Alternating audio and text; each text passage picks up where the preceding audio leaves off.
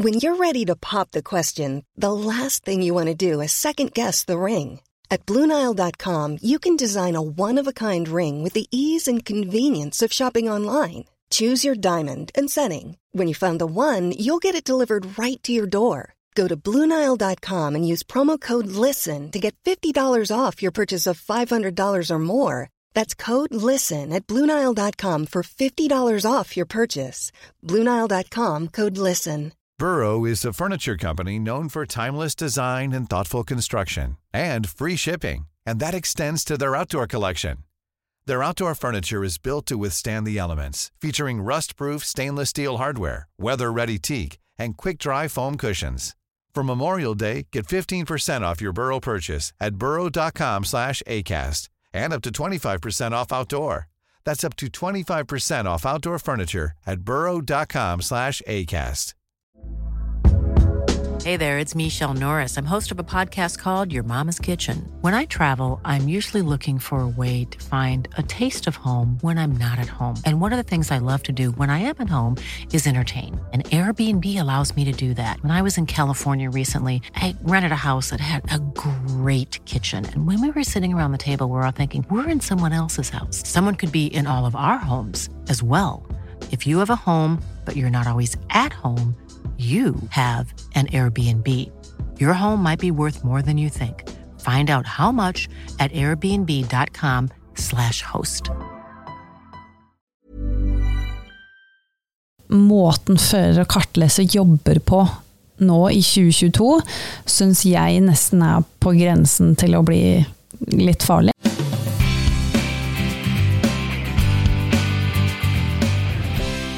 Nå, nå ryser rødt, Alex. Nå, nå er du fornøyd. Nå, Jeg er fornøyd. Nå Nå, er- nå er teknologien i orden, og vi kan eh, ønske velkommen, vi. Da er vi i gang, og det er jo veldig gøy. For at nå har vi sittet og varma opp målet litt her. Så, men du er jo vant til å prate ganske mye, egentlig, så jeg vil jo tro at når du sitter her nå, så er dette bare en sånn vanlig dag på jobb.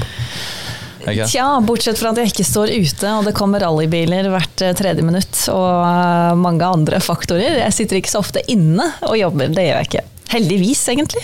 Det som er fascinerende, er at når Molly er på jobb, så har hun, når hun har gjort research, så har hun altså Det ser ut som den blokka du har med, er fra andre verdenskrig. Liksom, det, det, er så ikke 2022. Måten Du liksom Du har ikke noe iPad eller noe sånt fancy greier. Du har med rett og slett en god, gammel gulna noteblokk. Du. Eller Ja. notatblokk. Og jeg printer da ut ark Og limer. I, i da et format som passer den lille A5-notatblokka mi. Og så eh, tar jeg og klipper, så jeg har en skikkelig sånn der, eh, tilbake til barneskolen-dag hjemme. Der jeg klipper opp alle de papirene og teiper det da inn i boka. Fordi jeg har prøvd eh, det meste og funnet ut at eh, hvis jeg gjør det sånn, så har jeg bare boka mi, The Little Black Book, eh, og oppi der så har jeg alt jeg trenger. Og det er det som funker, fordi som regel, den informasjonen jeg trenger, trenger jeg veldig fort. Og da er det jo bare å bla, og så er det rett foran meg. Så det er jo det som funker, selv om ja, det er litt steinalderen. Så hvis du mister den uh, boka Åh, det er krise. Det er krise, du har ikke noen backup der. Nei, og så morsomt er nå at hjemme har jeg en skuff på kontoret som er full av sånne små svarte bøker. Det har sett for mye på film. Ja, for det kan jo være så mangt når det er så masse svarte bøker inne i et rom. Se Det, for meg FBI kommer inn, ikke sant? og så bare here it is. Og så er det sånn eh, 50 svarte bøker. altså, de etterforskerne kommer til å bli veldig gode på rally-VM, da, hvis vi skal begynne å mistenke Molly for noe. Men, men den researchen, Ja. hva, hva har du i den? Altså, jeg skjønner jo sånn det grunnleggende her, men hvis du skal ta oss litt gjennom hva, Hvis vi hadde fått tak i en sånn eh, bok, hva kunne vi da kost oss med? Ja, eh, det er jo da både før og etter en runde i et eller annet, for det er jo ikke bare rally-VM jeg driver med, det er jo rallycross-VM. Ja, rally-VM, eh, Rally X, som er en eh, ja, nordisk-baltisk eh, rallycross-serie. Eh, Det er Dakar eh, sammen med Audi, og så er det litt eh, rally-NM eh, og litt forskjellig. Så eh, det du finner der, det, det har egentlig gått fra å være mer komplisert til å bli mindre komplisert. Men hvis vi tar rally-VM, så er det da entry list. Alle som er påmeldt eh, til løpet. Eh, og så eh, printer jeg ut mesterskapsstilling i alle kategorier. Eh, og da vil jo da f.eks. For, for VRC, så vil jo da de mesterskapsstillingene stå på venstre side, og på høyre side så skriver jeg ned hvert eneste navn. Uh, og så søker jeg da opp uh, hvor mange seire, hvor mange ganger jeg har vært på podiet, hvor mange ganger har jeg kjørt det løpet, beste resultater i det løpet. hva skjedde forrige løp, kanskje noe spesielt? Hva skjedde der i fjor? Var det en etappe som de kanskje krasja på? Kanskje de ikke kom lenger enn SS2? ikke sant? Eh, det var jo tilfellet for Oitanak i Spania nå. Han kom jo til SS4 i fjor og kjørte jo ikke noe mer enn det. Og det er jo interessant, for det betyr jo at han gikk jo glipp av 16 færre prøver eller hva det er, enn alle de andre. Så, og mest av alt så, så, sitter jeg og skriver alt dette her. Eh, og jeg husker jo tilbake fra skolen, så var det jo det å kanskje skrive ting ned som jo gjorde at jeg lærte mest. Så jeg bruker kanskje ikke altfor mye og blar opp i boka uh, underveis. Men når jeg har skrevet det, så husker jeg veldig mye. Så sitter jeg kanskje og prater med kollegaene mine kvelden før løpet, og så plutselig kommer jeg med den staten, og de bare wow, hvor fikk du det fra? Men det er jo fordi jeg akkurat har skrevet det ned. Um, så det gjør vel egentlig Det er vel en slags oppvarming. Jeg sitter jo noen dager da, eller uka før løpet og virkelig setter meg inn i alt sammen. Og så skriver jeg ut itinerary. Um, altså hva som skjer hver eneste dag. Hvilke prøver og distanser og sånne ting. Og det bruker jeg mye. Uh, for jeg lever jo i dette løpet hele tiden. Jeg kjører jo fra prøve til prøve, og det er greit å vite når starter det, uh, hvor langt hvor mange kilometer er det imellom, og, og de tingene der. Men etter et løp så vil du da se fryktelig mange sider der etappenavnet er skrevet øverst. og så kommer da eh, alle førernavnene nedover uh, sida. Og før en etappe begynner, så skriver jeg jo gjerne ned dekkvalg. Uh, hvis det er andre gjennomkjøring av en etappe, så skriver jeg jo ned tida fra første. Uh, fordi at uh, ofte i rally-VM så jobber jeg med svært lite kommunikasjon. Uh, det vil si det er som regel aldri nettdekning. Så se for deg alle som sitter og ser på rally-VM. Det er 2022. Du har gjerne EVRC på telefonen din, du har gjerne all live-sendingen på iPaden din, og så har du kanskje et eller annet altså, Folk sitter hjemme med så mye informasjon, og jeg står på mål eh, ved en etappe med ekstremt lite. Og det er derfor liksom, i boka mi så skal jeg ha så mye som mulig. Jeg kan prate dekk, jeg kan prate om tida fra første prøve. Eh, jeg, jeg har på en måte en del ting å jobbe med. Og har jeg ingen kommunikasjon, så står jeg alltid bak tidtakerne. For de sitter jo der med en iPad og får da flying finish-tid. Og da har jeg også det å jobbe med. Men uh, som regel så har jeg en radiokontakt, for vi har jo et fly i lufta uh, som er et radio frequency-fly, uh, og er hele grunnen til at man har live on board. og at vi også kan kjøre live intervjuer, og at vi kan kjøre live helikopter. Det er jo pga. et lite fly som da forflyttes rundt i hele verden, og da sirkler. Så hvis du har flight radar, jeg syns flight radar er gøy, så da uh, syns jeg det er gøy å gå inn på flight radar så ser du bare et fly som går rundt i sirkler over én etappe. Og det er grunnen til at det er én etappe rundt Konsinger som aldri ble kjørt i Rally Norway, for det her er ruta til Gardermoen. Oh, ja.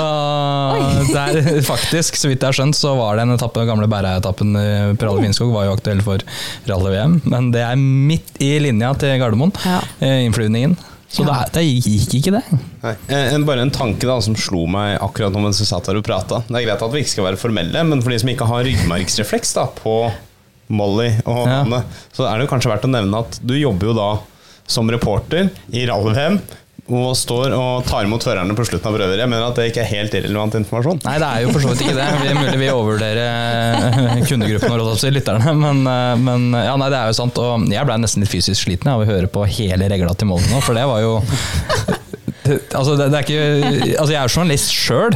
Jeg tror jo at jeg er god på å forberede meg, men jeg veit ikke om jeg er noen ganger legger ned så mye innsats. Men jeg skjønner hvorfor. da, altså, For jeg har jo stort sett dekning der jeg er og kan søke opp ting kjapt. Jeg skjønner jo det, at eh, du er jo da på et sted helt uten dekning. Så. Jeg hater å være informasjonsløs. Jeg hater å på en måte um, F.eks. i ettertid sant, så har kommentatorene som jeg da ikke hører, prater om dette ekstremt spesielle dekkvalget til den og den. Og da har ikke jeg fått det med meg. Det er jo helt krise. Jeg må jo vite at han tok og satt et regndekk på bilen. ikke sant? Eh, vi hadde jo et tilfelle i Monza for noen år siden der det var snø og slaps og masse mm, gjørme eh, som ble dratt ut på Monza-banen. Og da kom jo, var det Lappi som plutselig bare tok en sjanse og satte da disse her wet weather tires på, på, på bilen. Eh, og slo alle med ja, mange sekunder. Så det, det, man må ha den informasjonen når man står der. Så ja. Hvis ikke så er det jo liksom ja, Man må prate om det som er å prate om. det er jo en slags grell kontrast da, til for vår del, da, som sitter i en kommentatorboks stort sett og kommenterer. Så kom vi inn en, en, liten stund før, og så sier jeg til Simen her er dagens oppdaterte startliste. Jeg regner med at du har lest FIA-dokumentene, og da svarer stort sett ja. Og så har vi all dataen vi trenger med livetiming og sånn Sju-åtte faner oppe med liksom sammenlagtstilling fra i fjor i år, kanskje en Wikipedia-link der og en liten link til livetiming der. Og, sier, og alt er på, Tenk deg det hvor hjelpeløse vi hadde vært uten nett der inne. Det hadde ikke gått. Ja, jeg har jo ikke tenkt på det du sier der, men det, så, det, det faller jo inn som åpenbart når du sier det. Men, eh, men så er det, faktisk, det forklarer jo den boka. Og så er det faktisk så enkelt. Jeg får jo ofte spørsmål fra folk som har sett meg på stagen. Hvorfor går du til andre siden av bilen før du gjør intervjuet? Og for meg så er det sånn Kødder du? Eh, det er jo for å se, sjekke om det er noen skader. Ikke sant? For jeg hører ikke, eller veldig ofte så hører ikke jeg All Live. Eh, og hvis ikke jeg har noe sånn ordentlig radiokommunikasjon, for den er jo noen ganger litt ødelagt, altså, eller hvordan sier man det, forstyrra, ikke sant, linja. Og, og hvis ikke jeg har gått rundt på andre sida og sett at det mangler en dør, og så går jeg inn og stiller et spørsmål liksom, om noe helt annet. Altså, det, det, det, går jo ikke. Uh, jo, men, mens andre ganger så kan du f.eks. se at det mangler uh, en kvart felg, men så har jo ikke de sett det på sendinga, fordi det er jo ikke noe som er så lett å se fra helikopter. Uh, og så tar jeg jo en runde rundt, og hvis jeg ser noe, så får jeg oppmerksomheten til kameramannen, og så kommer han rundt, og så blir det jo gjerne sånn at kommentatoren bare Oi, se der, liksom! Det har vi ikke fått med oss. Um, så så, så, det er veldig viktig å ta en tur rundt hele bilen. Det som er gøy, er jo Det er jo en klassiker, vi som kjenner deg og har pratet med deg mye før, men de der når Uh, la oss si kommentatorene, for du har jo gjerne Bex og gjengen på øret, sikkert. Uh, og hvis de oppfatt... Halvparten ja. av tida, vil jeg si. Eller mindre. Men hvis de mener fra helikoptervinen at det her er et gigatilbud, og så kommer du med Tanak og så spør du det er moments du hadde der, bare, han skjønner jo ingenting. Det er jo, de er jo litt sånn klassiske, akkurat de der. Da. Ja, og det er, jo, det er jo det som gjør disse sjåførene så rå, syns jeg. At eh, de har hatt eh, tre hjul av veien. Eh, og så har de gjort en sånn instinktkorrigering. Det sitter jo bare i ryggraden og i rumpa, som man sier i, i motorsport.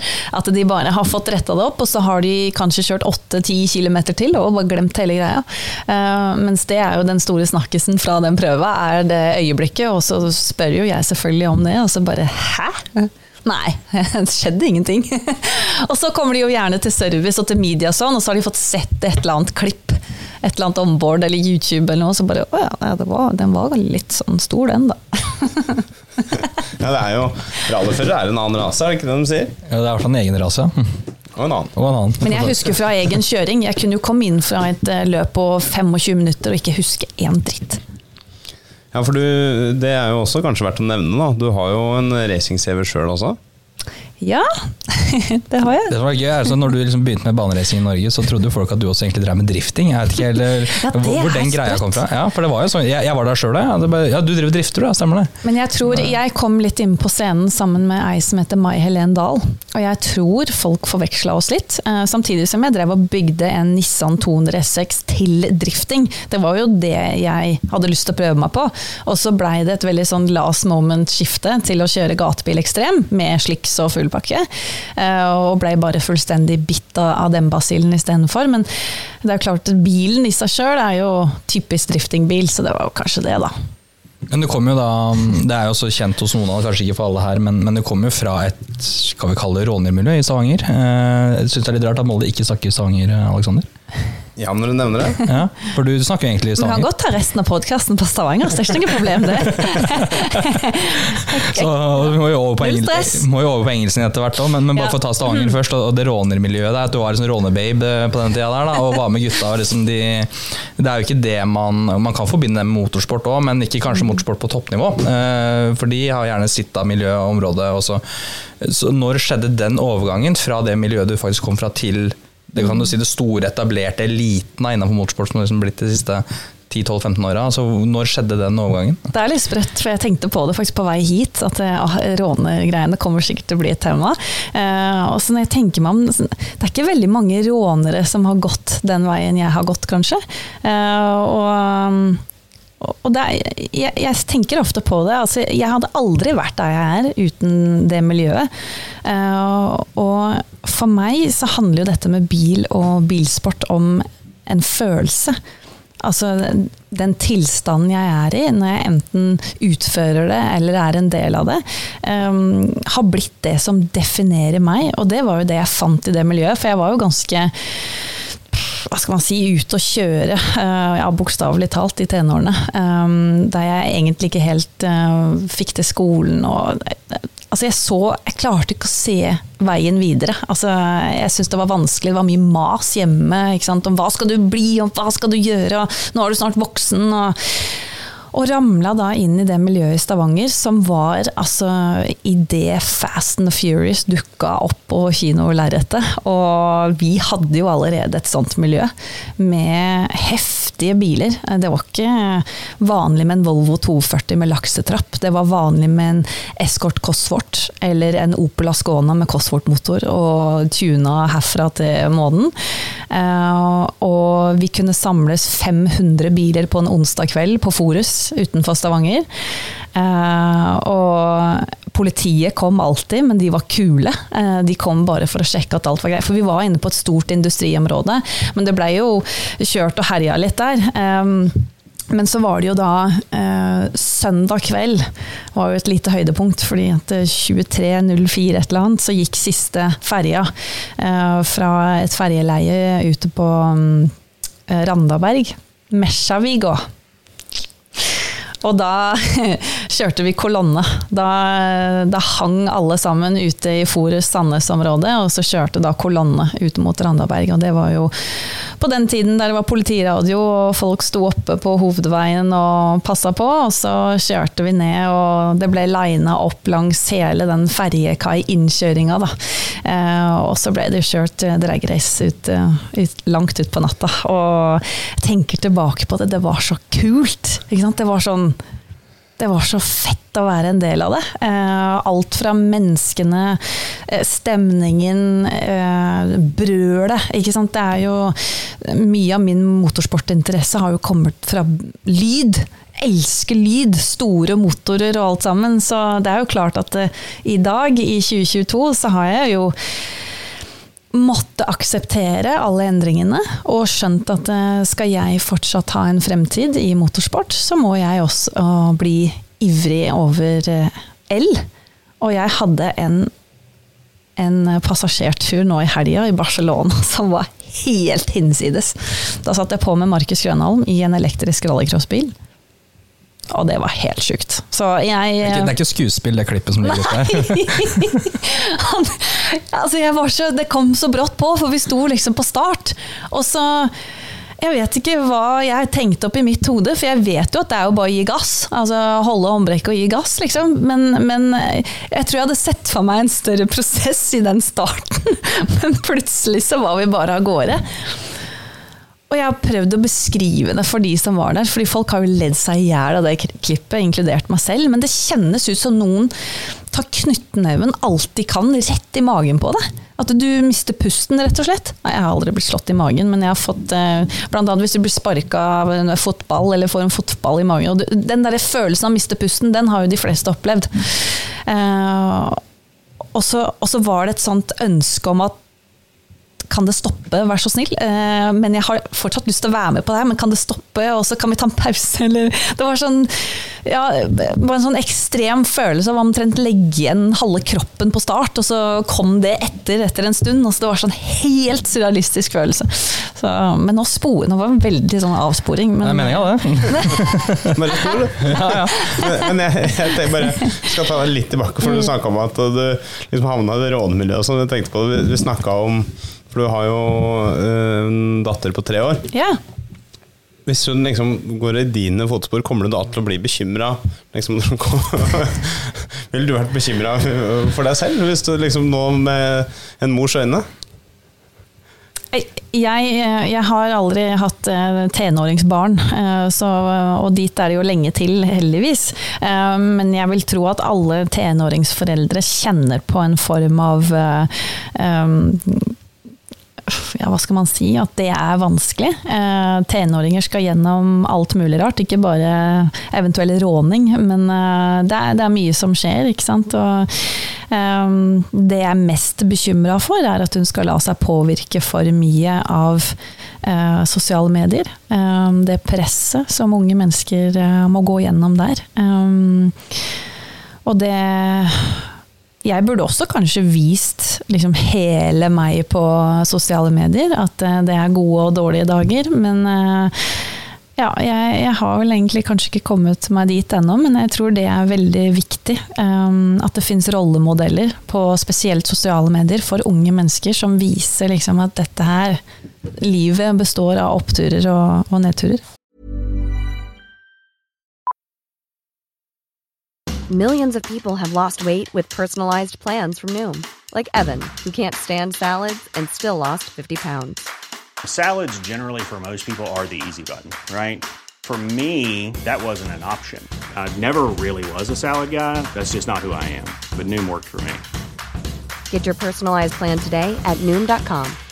Real Noom user compensated to provide their story. In four weeks, the typical Noom user can expect to lose one to two pounds per week. Individual results may vary. Hey there, it's Michelle Norris. I'm host of a podcast called Your Mama's Kitchen. When I travel, I'm usually looking for a way to find a taste of home when I'm not at home. And one of the things I love to do when I am at home is entertain. And Airbnb allows me to do that. When I was in California recently, I rented a house that had a great kitchen. And when we were sitting around the table, we're all thinking, we're in someone else's house. Someone could be in all of our homes as well. If you have a home, but you're not always at home, you have an Airbnb. Your home might be worth more than you think. Find out how much at airbnb.com/slash host. Men um, hvordan tror du sosiale medier hadde, hvis det hadde vært, da, mm. da du var på Råneren i Stavanger, hvordan eh, den kulturen dere hadde der, hvordan ville sosiale medier prega det, tror du? Wow. Jeg er så glad for at det ikke var noen sosiale medier da. Men uh, Hadde det blitt lastet ut noen bilder og videoer som kanskje ikke hadde vært helt passende? For eksempel, av litt ulik kjørekultur eller uh, ja, andre ting? absolutt. absolutt. Altså det, det var jo på mange måter min vei inn i motorsporten var at det var på tide å gi seg med, med sånn type kjøring på vanlig vei. Uh, Det, det blei litt for stort kick. Det, man blei litt for avhengig av det adrenalinet. Um, og det er klart, når man så blålys også, så var jo det å øke adrenalinet og kicket. Um, men eh, man forsto jo ganske raskt at det Og det var jo en del av det å dra på gatebil. Vi var jo en gjeng fra det området som dro på, på gatebiltreff. Og det var stort, det. Herregud. Å komme til et sånt paradis for bilinteresserte. Og så var det jo, jeg var jo 18 år første gang jeg var der, så var det jo tidenes fest i tillegg. Altså, altså kombinasjonen av alle de tingene der. Når man er ung, 18 år, elsker bil, og så, og så er man på en sånn festival som er for akkurat sånne som meg. Så det, da fira det i gang egentlig enda mer, og jeg skjønte liksom at her skal jeg være. Men når man kommer inn da, som en ung jente i et sånt uh, hanemiljø som det er eh, Det blir ikke noe ubehageligheter av det. Altså, det er lett å se for seg, men uh, du har aldri fortalt om det før, så jeg vil tro at du kanskje ikke har hatt dårlige opplevelser sånn sett. Eller har du det? Jeg, nei, det, og det er, så, det er så morsomt at du spør, fordi jeg fikk en mail her om dagen fra en engelsk jente som drev og skrev et papir på, på skolen. Um, det blir jo en sånn rar oversetting, skrev et papir, men hun skrev en oppgave. Writing a paper. you know. Um, ja da. uh, og hun spurte meg om masse sånn gender equality-spørsmål. Uh, om jeg hadde opplevd eh, Altså hatt dårlig opplevelse med det og ja. Men tilbake til spørsmålet ditt, er at Um, I de tenårene Jeg var jo samme gutter hele tiden. Uh, ofte eldre gutter også. Uh, og jeg var alltid inkludert. Og jeg var alltid bare en del av dem. Altså, jeg, jeg, jeg følte aldri noe på at det var noe forskjell på oss fordi jeg var jente og de var gutter. Eh, og samme når jeg kom til Østlandet. Og eh, jeg var jo da hun eh, som gikk rundt med en svær boblejakke som det sto Nissan på hele ryggen. Eh, og gikk da med en caps som det sto Nissan på. Eh, og var harry så det holdt, eh, egentlig, alt jeg gjorde. Eh, men, men jeg ble bare tatt imot med åpne armer. eh, og vist rundt og introdusert for folk. Og eh, kjente aldri på at, eh, at her var det forskjell på folk. Og det kan jeg med hånda på hjertet si den dag i dag også. Jeg hadde det nok litt tøft når jeg kjørte racing på høyt nivå i Danmark. eh, Og at jeg eh, fikk en del mer oppmerksomhet enn mange av de andre. Um, Da, da merker jeg det lite grann, men det tror jeg kanskje går på eh, hvor villig man er til å gi av seg selv eh, til media og sånne ting. For jeg, jeg kommer jo ikke fra noe motorsport i det hele tatt. Jeg har en far som var fjellklatrer og seilte. eh, Og en mor som overhodet ikke har noe bilinteresse. Og ingen andre i familien. Så jeg fant jo tidlig ut i den racingkarrieren at jeg måtte lage en slags profil av meg selv. Eh, Folk måtte vite hvem jeg var, fordi hvis folk visste hvem jeg var og likte den jeg var, og ville følge meg, så ville jo også sponsorene synes at dette var interessant. Så det er jo mer det det bunner ut i. Alle jeg kjørte mot, stort sett kom jo fra dette her. De var jo der med familiene sine, med fedre, mødre som hadde kjørt, og whatever. Altså, jeg var eh, jeg, jeg var nok blant de som skilte seg ut mest av det. Jeg kommer jo ikke fra noe sånt i det hele tatt. Høres ut som du nesten kanskje kjente deg litt igjen i, i det vi ser i Rådebank, som jo har fått litt fotfeste sånn med de jentene der og sånn, tenkte jeg på umiddelbart. Så, og dem, Veldig fin serie. De har vel, så vidt jeg har skjønt, øh, faktisk infiltrert rånmiljøet òg, som ikke bare har basert serien på fordommer. Så jeg sy- syns man liksom man hører en beskrivelse her, men uh, den racingkarrieren din, da. øh, mange har hørt det før, og noen har ikke hørt det i det hele tatt. Men jeg tenker vi, vi kan tåle å høre det en gang spoler til. til 2015, vi gjør vi ikke det? Men det er aldri så liten bremsesvikt. Fordi vi har jo akkurat hatt uh, Wasim innom her, og Ja. snakka litt om uh, krefter ved en uh, ulykke og hastigheter og litt sånn. Og kan ikke du fortelle litt om, uh, om det som skjedde med deg? Ja, eh, jeg kjørte et gateløp i Århus med min eh, Ford Mustang. Eh, Jeg kjørte da en enhetsklasse i Danmark som heter eh, DTC, eller NTCC, det var en norsk-dansk serie. Alle bilene er da helt like, bortsett fra utseendet, og de er bygd hos How Racing i USA, så det er rødrammebil, det er svær rødrammebil med V8-motor, rundt 500 hester, og bare et beist av en bil, men veldig morsom. Og vi hadde jo da ett løp den, hver sesong da, i Århus, som var en del av en veldig stor festival. Um, og vi kjørte da et løp, og jeg husker at jeg hadde um, fått kontakt bak, eh, så bakfangeren hang og slang, eh, og jeg fikk et teknisk flagg og måtte inn og få dratt av bakfangeren. Eh, gjorde det, kjørte da ut på banen igjen, alt var fint, og så tok jeg igjen feltet bak. Eh, og i siste sving før langstrekka så er det nedoverbakke, og bremsene fungerte fint. Og så ut på langsida, og eh, kom man da opp på siden av en bil. eh, Og planen var egentlig bare å ligge side om side med den gjennom en hårnål, og så er det opp en bakke, og der er det, hvis man får en bedre utgang, lett å, komme seg forbi. Så det var planen. La meg ut til venstre. Og der eh, har du ja, 220-225 før du da det er full brems, altså inn i en hårnål i rundt 50-55 km i timen. Og går for å bremse, som man gjør hver runde. Man er jo i en boble, altså det, og, og da bare skjer det ingenting. Altså pedalen er helt løs, du vet den derre det, ja, hvis, hvis, man noen gang har opplevd liksom ikke ha noe pedal altså Her er det ikke noe ABS, ingenting. Uh, her er det bare steinhardt. Og jeg måtte jo bruke alle kreftene jeg hadde i venstrebeinet for å få stoppa den bilen her. Så uh, det å bare ikke ha noen ting var, var helt ekstremt. Um, og det som skjer etter det, er at uh, det som tar halvannet sekund, kjennes ut som ti minutter.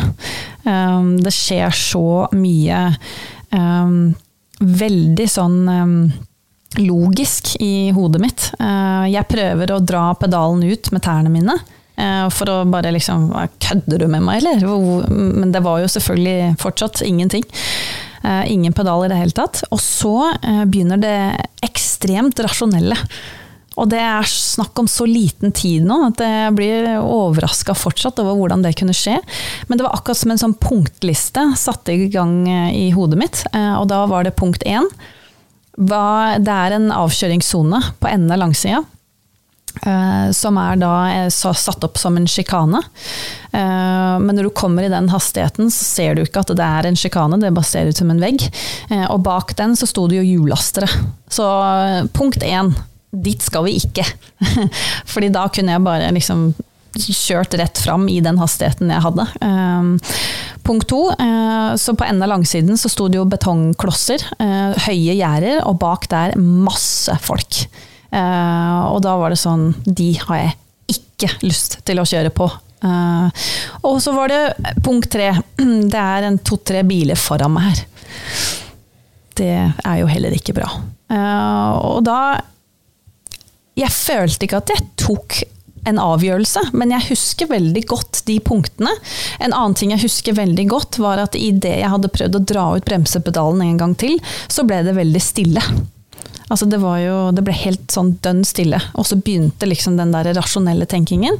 Og så, før jeg visste ordet av det, så, så kasta jeg bilen sidelengs. Altså jeg bare tok tak i rattet, og så bare kasta den. Og så lukka jeg øynene, og så datt hodet bare ned. Det er noen som har tatt en sånn bildeserie som ja, skremmer vettet av meg den dag i dag, bare av å se på. Fordi han har bare holdt knappen inne, og så ser du bare at hodet henger ned. Uh, fordi jeg var helt sikker på at nå er jeg dau. Helt sikker. Uh, og så, når jeg lukka igjen øynene, og du vet det er så stille også Jeg klarer ikke å forklare det med at jeg ikke hører noe, men det er en veldig sånn er, altså, hvis du tenker på de lydene og den dramatikken som var i det øyeblikket, så var det overhodet ikke sånn inni bilen. Men så tok det veldig lang tid, og så treffer jeg jo da en bil eh, sidelengs. Og jeg kjente jo på hele kroppen at eh, vi er ikke ferdig ennå. Det, det, var ikke, det, var ikke, det hele. Eh, og så føltes det så ut som en evighet til, og så treffer jeg jo da veggen. Eh, og det første som skjer da, er at eh, jeg hører folk skrike, og barn skrike. Eh, jeg har jo øynene igjen fortsatt, og jeg tror liksom også noe av det første jeg skjønner, er at det der gikk bra. Altså, jeg tror jeg forstår at jeg ikke er død. og så åpner jeg øynene, og så ser jeg det ryker fra panseret og alt sammen, og da er det sånn flight mode. Altså da var det Husker jeg at jeg dro av rattet og, og liksom bare reiv av meg belten og var helt crazy. Jeg skulle bare ut av den bilen fortest mulig. Uh, og kaste meg, Det var sånn bil du klatra inn og ut av mm, åpningen der det skal være et vindu. Eh, og detter da ned på gulvet og bare tenker det der gikk bra! Og så var jeg liksom klar for å begynne å bevege meg rundt, og da ble jeg bare tatt tak i av, eh, av ambulansefolk og tatt med inn i ambulansen. Eh, og foran meg så står den bilen jeg traff. Den ser ikke bra ut i det hele tatt. Den står i betongveggen. Og han ble jo også da tatt med til sykehus. Ja, så da var det jo en eh, hastighet på 216,5 km i timen. Jeg traff han, da. Det sies at han du traff ikke var spesielt happy? Vet du hva, det, bare for å dra inn dette her med kjønnsroller og sånn. Hadde jeg vært mann, så hadde jeg fått ordentlig juling. Fordi at jeg møtte han når vi ble begge sluppet ut av sykehuset, og han sto en halv centimeter unna trynet mitt, og han var en stor mann, og bare sto og skreik.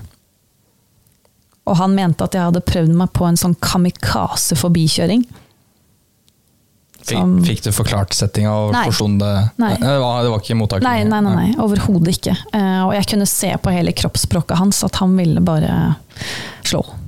Så veldig glad for at han ikke gjorde det, og jeg sa også til han i ettertid at eh, takk for at du redda livet mitt. Har du skjønt det da? Etterpå? Nei, jeg tror ikke det. Han sluttet å kjøre den dagen. Kjørte aldri noe mer. Oi! Så, så du, se, du endte karrieren hans, er det, er det du driver og sier nå? Ja. ja. Men karrieren din, hva skjedde med den etter det her? ja, hva skjedde med den? Eh, vi fikk leid en bil eh, til neste løp, som var to uker etterpå. Jeg skulle sikkert aldri ha gjort det. Eh, da, det, det var bare fryktelig vanskelig. Eh, jeg tror det å miste bremsene for en motorsportutøver er eh, noe av det verste man kan oppleve, fordi du stoler på en måte aldri på det igjen. Eh, Og det var det jeg egentlig opplevde. Jeg hadde det alltid i bakhuet at det kunne skje igjen. Eh, Og jeg tror jeg hadde griseflaks den dagen der. Jeg tror det liksom, det var ikke min tid. Og derfor så var det så mange faktorer som jeg har vanskeligheter med å forklare. Altså Hvordan forklarer du en sånn rasjonell eh, punktmerking av eh, escape routes liksom på under et sekund? Altså hvordan, og, og hvordan, eh, hvordan forklarer man måten jeg kasta den bilen sidelengs? Altså det, det er jo Ja, ikke minst at du er så klar på det i huet i ettertid. At det er Ja. jo også noe som sitter. Eh, Men man kan jo bli religiøs av mindre. Ja, men det er jo nesten så Wasim forklarte det for oss, faktisk. Litt grann hvordan mekanismene funker da, med adrenalin. Med, Vi var, var litt grann inne på det. Men eh, Og hvordan sansene skjerpes. Og det kan være at du egentlig faktisk mister hørselen litt fordi det er andre sanser i kroppen din som Nå har ikke Wasima fått svare for det, men jeg med at det, Ja. jeg har jo hørt at noe sånt funker. Ja. At eh, kroppen fordeler evnene evne på sansene litt etter som hva. Og du Jeg har lest om det også. du trenger ikke ha Ja. hørsel i Mm, den situasjonen her, liksom. Nei. Nei, for det var kneptyst, liksom. Jeg hørte ingenting. Men det å, å miste bremsene er jo Altså Det har jeg opplevd en én gang i helt andre omstendigheter. Det gikk mye bedre. Dokka 2006. Eh, Ja, Ja. fem? Fem, Seks? Nei, seks. Ja. Ja, ja. Um, men men um, Så jeg ser det jo for meg. Jeg kan på en måte kjenne litt den følelsen igjen. Og hvis du da legger på Hva var det du sa du hadde? 215? Jeg hadde jo 220 når jeg begynte å skulle bremse. Jeg hadde vel kanskje på det tidspunktet 80. Ikke sant? Så, så jeg kan liksom bare se for meg da mer enn den dobbelte hastigheten og den følelsen, og hvordan det bare knyter seg i kroppen din. Og ja, det går Og så er det på en, er det på en gatebane. Det, det også bare Ja, det- gjorde hele opplevelsen ordentlig dritt, for det er bare betong overalt. Det er det verste type baner. Du kan oppleve noe sånt. Altså, kjører du på en, en andre baner, så er det jo avkjøringssoner, du har eh, safe barri- barrierer, du har eh, dekkstabler altså, og grusfeller. Men det der er sånn som Jeg har aldri opplevd det i bil, men som jeg nevnte, det er noe man kan ha et mareritt om. Da. Du drømmer at du er i fritt fall eller du har en bremse. Jeg har jo drømt konkret egentlig det du gjør, som et mareritt, og bråvåkna med høy puls. For jeg våkner idet smellen kommer, så våkner jeg også og bekrefter at det er i livet, for det bare er mareritt. Men det sitter du altså og opplever. Men, men det rare er at jeg ser ikke tilbake Når jeg ser tilbake på selve øyeblikket, så skulle man tro at det var sånn der helt crazy og skrik og bråk og Men du vet, det var så stille. Og det var sånn, jeg, jeg tenker kanskje tilbake på det som det klareste øyeblikket i hele livet mitt. Og uten at du sover dårlig natt av det i etterkant. Og, nei, men det, det også har jo vært et problem. Eh, Det største, noen av de største problemene i ettertid. Eh, nummer én å bli trodd. Å bli trodd på at det var faktisk bremsesvikt på bilen, og ikke at jeg bare var helt idiot. For det var jo 80% av paddocken som mente det etterpå. At jeg hadde prøvd meg på en sånn sjuk forbikjøring og treffe i et høl eller et eller annet. Så jeg fikk ikke ro eh, før eh, det hadde blitt eh, sjekket opp. Eh, og det var jo da en produksjonsfeil inni bremsesylinderen. Eh, som, som de klarte å finne til slutt. Så, Og da ble du trodd i paddocken til slutt, eller? ja, altså da, eh, da gikk det jo ut en bulletin fra, fra mm, promotøren av serien eh, om dette her, og at alle må skifte til et annet merke, bla, bla, bla. bla. Uh, og det andre som plaga meg lenge etterpå, var at jeg kunne kjøre bil, gå tur med bikkja, eh, spise middag, og så plutselig så ser jeg meg sjøl kvesta. Bare sånn ordentlig ille. Altså det var som et sånt veldig klart bilde som bare poppa opp foran øynene mine. At eh, jeg er gjennom samme krasjen, men jeg på en måte ser ikke bra ut i det hele tatt. Eh, og det var jo en ting som, eh, som også var litt vanskelig etterpå, var at jeg fikk ikke noen synlige skader. Og du går gjennom kanskje det mest traumatiske du har vært gjennom i hele livet ditt, og kommer da tilbake til Norge, og um, du går ikke på krykker eller uh, har et brukket ben eller uh, et eller annet sånt. Du, du ser helt vanlig ut, uh, men på innsida så har du det helt grusomt. Men um, reaksjonen fra folk er at Men jeg ser jo det gikk jo bra! Men liksom det jo da, altså Vi sier jo ofte sånn når vi snakker om Formel 1-ulykker, ja, det sier noe om sikkerheten. Eh, sier, snakker vi om, om, bilsport, da. men dette er jo da litt mer simple rødrammebiler. Ja. Eh, som selvfølgelig ikke har det samme sikkerhetsnivået som en Formel 1-bil, men likevel så overlever man selv altså en, en sånn krasj selv i en sånn bil. Da. Ja. Så det sier litt om, og vi som vi var innom på før, vi har jo skrota en gammel Almera, og andre har rulla verre med eldre, dårligere biler, men det går bra likevel. Da. Så det sier noe om den, i hvert fall den grunnsikkerheten da, som mm. er i, i bilsporten om dagen. Da. Egentlig veldig glad for at jeg satt i en sånn stor amerikansk bil. Eh, fordi at eh, fra der jeg satt og ut til der rødrammene, for rødrammene bygde jo utover ved dørene, eh, så, så var det jo kanskje en halvmeter. Altså det var så romslig. Og når jeg traff veggen liksom rett på i den bilen med den svære V8-motoren, altså det var jo tre meter mellom meg og fronten på bilen. så, så, jeg er egentlig veldig veldig glad for at jeg satt, satt i den bilen. Jeg har en tilleggshistorie her, hvis dere har tid. Om vi har. Om vi har. To uker før ulykken så var jeg på VM i rallycross uh, på Hockenheim. Og da besøkte jeg um, uh, Memorial-plassen til Jim Clark. Og jeg glemmer aldri når jeg sto der. Det er alltid veldig sånn spesielt å besøke sånne steder. Det var jo ikke krasjstedet hans, for det er jo langt inn i skogen der. Jeg kan slå en fun fact? Jeg var ja. der akkurat. Ja. Jeg var jo da både ved inngangen til gamlebanen, og så ja. til selve For det er en bitte liten flekk lenger inn der, som er det ekte dødsstedet. da hvor det også er eh, en liten plass. Men Ja. Jeg, var, jeg, var, ikke der, men jeg var der liksom, det er masse blomster og masse denne veggen og alt dette her. Der var jeg, og sto der ganske lenge. Um, og så spoler vi to uker fram. Uh, jeg krasjer i veggen der i Århus. Havner på sykehuset. Uh, ligger da med nakkekraver og alt mulig inne på det de kalte for krasjrommet til dette løpet. Da skjønner du, sånn svært rom. så ligger jeg der på ryggen, og så hører jeg at en ny blir trilla inn fra løpet. Um, og så blir jeg liggende der, så hører jeg at han prater engelsk. Og så sier jeg bare Hi, you know, what's your name? Og så sier han bare 'Jim Clark'.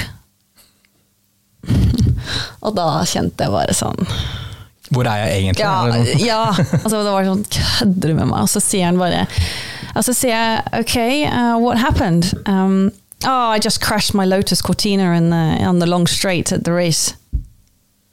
Hæ? Sa han Lotus, liksom? Tuller du? Um, og så, og så, snakker sånn déjà vu altså, Det her er så eh, sjukt at jeg ligger på ryggen, og for et kvarter siden så trodde jeg at jeg var død. Uh, og så ligger jeg da på ryggen på et sykehus og prater med Jim Clark. Uh, ja. Og så han, prøver han å få tak i noen sykepleiere. Bare, I need to call my wife, I need to call my wife. Og så roper jeg på min mekaniker som hadde vært med meg. Så bare kan du gi han telefonen, og så hører vi at jeg ringer kona. Og han brakk jo da beinet sitt. Um, for han krasja også på langsiden, da, i en Lotus Cortina fra 1967, eller hva det var. Um, men i hvert fall uh, dette var jo på ordentlig, eh, så vi ble jo Facebook-venner. Så jeg er jo venner da med en som heter Jim Clark, som kjører racing eh, på historiske For dette er jo et, dette er jo et historisk event, og så kommer da sånne racingserier som oss. Vi blir jo invitert til å kjøre løp, men det er jo liksom alt fra sånne historiske Lotus Cortina til historiske Formel 1-biler sånn. Men, men, men, det er jo bare helt sprøtt, fordi at eh, i det øyeblikket han sa Jim Clark, så, så bare kleip jeg meg sånn ordentlig hardt i armen. Bare liksom måtte dobbeltsjekke en gang, faktisk. Lurer liksom på Er jeg på sjukehuset, eller er det perleporten Men hvor er sprøtt er ikke det? Jeg var nettopp altså Det var første og eneste gangen jeg har vært på Hockenheim. Men hva er oddsen for det, liksom? Det er jo helt absurd. Det er helt absurd. Og at det, er liksom, han heter akkurat det, og han kjører en Lotus Cortina.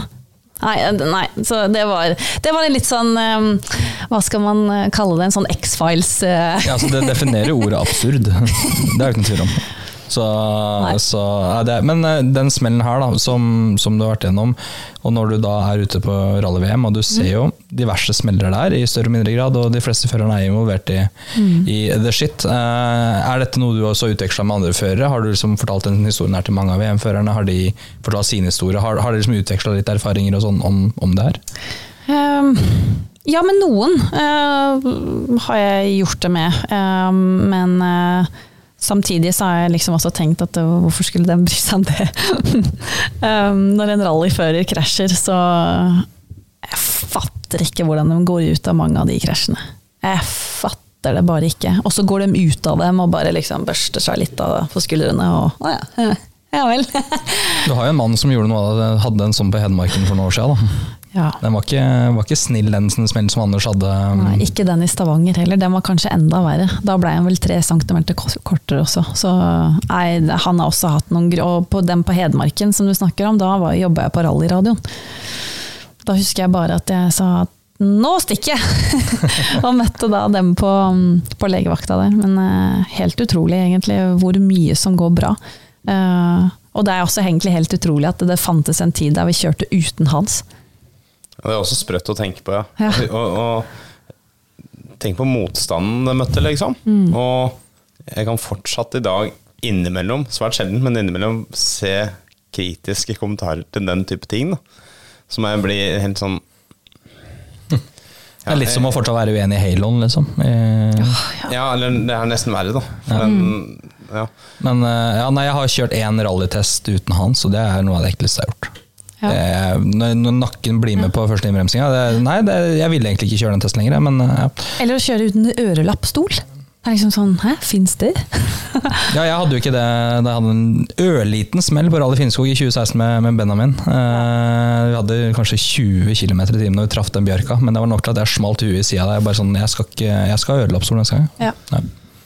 Ja, det er eh, det er, ja, det, det, det er egentlig helt utrolig hvor bra det har gått da, fram til nå. Nå ser man jo eh, Det er kanskje også litt takket være litt det du nevnte med sosiale medier og sånne ting, sprer seg litt lettere. Det er lettere å se eh, hvor eh, mye som mange krasjer er, og hvor fort gjort det går galt, og hvilke krefter som er i sving. Jeg tenker på du som er tett på, på VM-sirkus, nå kommer jeg ikke på alle de styggeste krasjene liksom, i nyere tid, men den første jeg som kommer på, er jo da Tanak sin i Monte Carlo i 2020, var det vel? Var det ikke jo 2020? Jo. Hvor han bare seiler av der. Eh, Åssen åssen var stemninga i paddocken da? Du har sikkert snakka med Oit om det sjøl, men hvordan, Når man får en sånn ekstrem krasj, da, sånn, i hvert fall visuelt sett, det virker som det var ikke noe problem for de to å gjennomgå det, men det er jo spektakulært. Hvordan prosesseres det liksom i paddocken?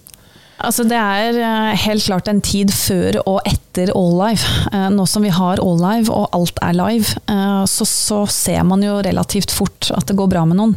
Og det, det er som du sier, den krasjen var spektakulær, men det var ikke en bråstopp i den forstand, for det er jo de verste. Det er jo de absolutt verste, og det har vi jo sett i Tyskland for noen år tilbake. Det var før All Live. Hvem var det? Var det Stefan Lefebvre? Lefebvre hadde ganske lei en i en stein, og han skada over ved beina sine. Ja, ja, og kartleseren det, var jo eller det var vel egentlig All Live da, for dette var, Nei, nei, nei, var det nei, det? det var 16. Ja, det var året Ja. før All Live, det da. Eh, All Live er 18, Ja. så det var to år før All Live. Men, men da øh, var det et sånt tilfelle der vi var på kontoret, og så stopper han på live tracking. Og du ser egentlig bare et punkt på kartet som står stille.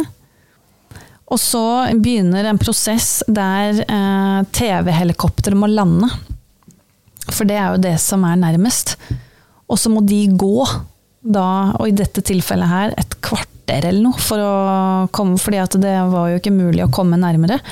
Um, og vi måtte vente og vente og vente, og så står vi liksom en hel gjeng samla og ser på skjermen, og bare venter på den radiokontakten. Og, og den kommer, eh, og får liksom beskjed om at eh, kartleser er ikke ved bevissthet. ja, han, han ble jo ordentlig skada. Eh, og at eh, fører var heller ikke bra, men at eh, han var ved bevissthet. Eh, men, men det er noe av det verste, den ventingen. Fordi at eh, nå, ja, eh, potensielt så kan vi være vitne til noe grusomt der og da, live. Det er jo helt forferdelig.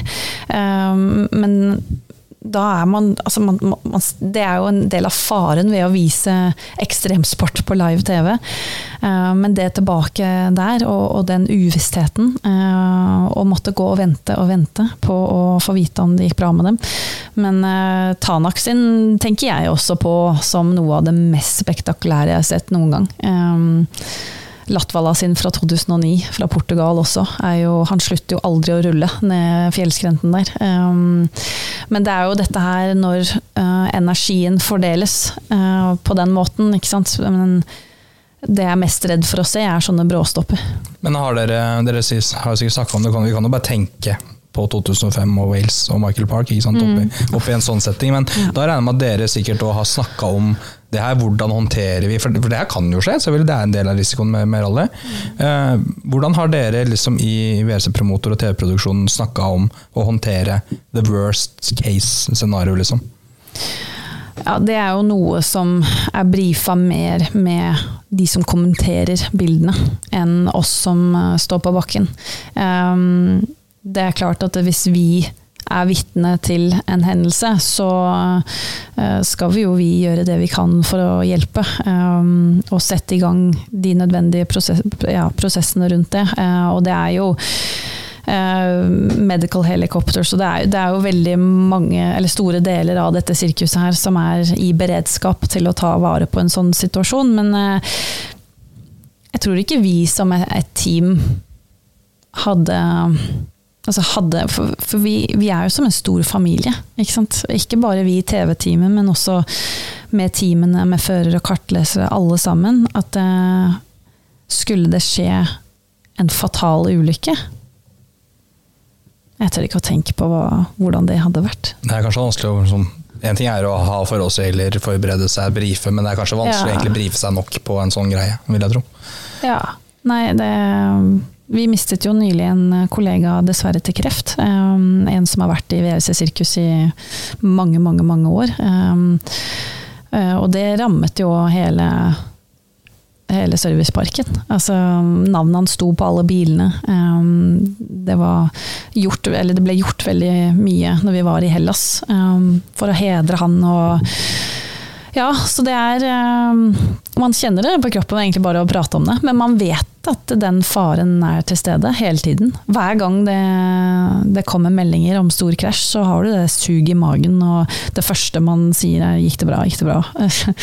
ja. Selv ved det minste smeller så jeg føreren har rutine på å sjekke. Gikk det bra med den her, liksom? Og så ja. rett på FIA-knappen ja. eller OK-button, og så ja. ja. Og det er jo det første de sier til meg også ved stage end, hvis jeg sier at 'oi, han krasja'. Uh, går det bra med dem? Mm. Crew OK? Uh, det ja, så Nei, det Det er litt sånn spesielt å tenke på, fordi man tenker at det kommer jo ikke til å skje, men uh. og, og, dette her er jo eh, Altså, heldigvis, som vi nevnte, har sikkerheten blitt bedre, og vi ser så mange ganger, nesten hvert løp, enorme krasjer som går bra. Som du nevner, de børster av seg støvet, er irritert mer enn de er mm. forslått. Og det gjør jo kanskje at man glemmer litt den risikoen man faktisk utsettes for, da, som mm. fører eller som kartleser, eller um, Er du redd for at man kan bli så vant til at det går bra at det blir nesten glemt, den risikoen? Det som er med rally-VM nå, er at eh, løpene blir kortere, prøvene blir kortere. Det er mer og mer fokus på Eh, konkurransen, at den skal være så tett som overhodet mulig.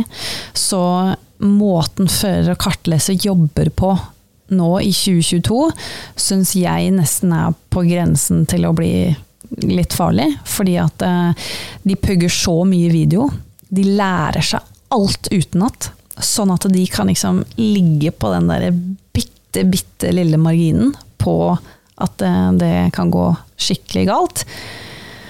Og det er jo absolutt ikke sånn rally har vært historisk sett. Det har jo gått over mange, mange, mange dager og mange, mange, mange flere kilometer. Og de har jo kommet i mål med flere minutters mellomrom.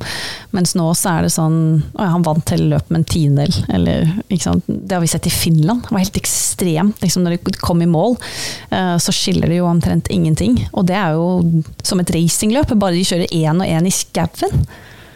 Altså, vi snakker liksom om eh, smale, ekstremt røffe veier noen steder, og, og de kjører så med så lite margin. Ja, Eh, du er jo frakjørt om det er halvsekundet på kilometeren bak, så er Ja. du frakjørt, liksom. Da er er du ute. ja.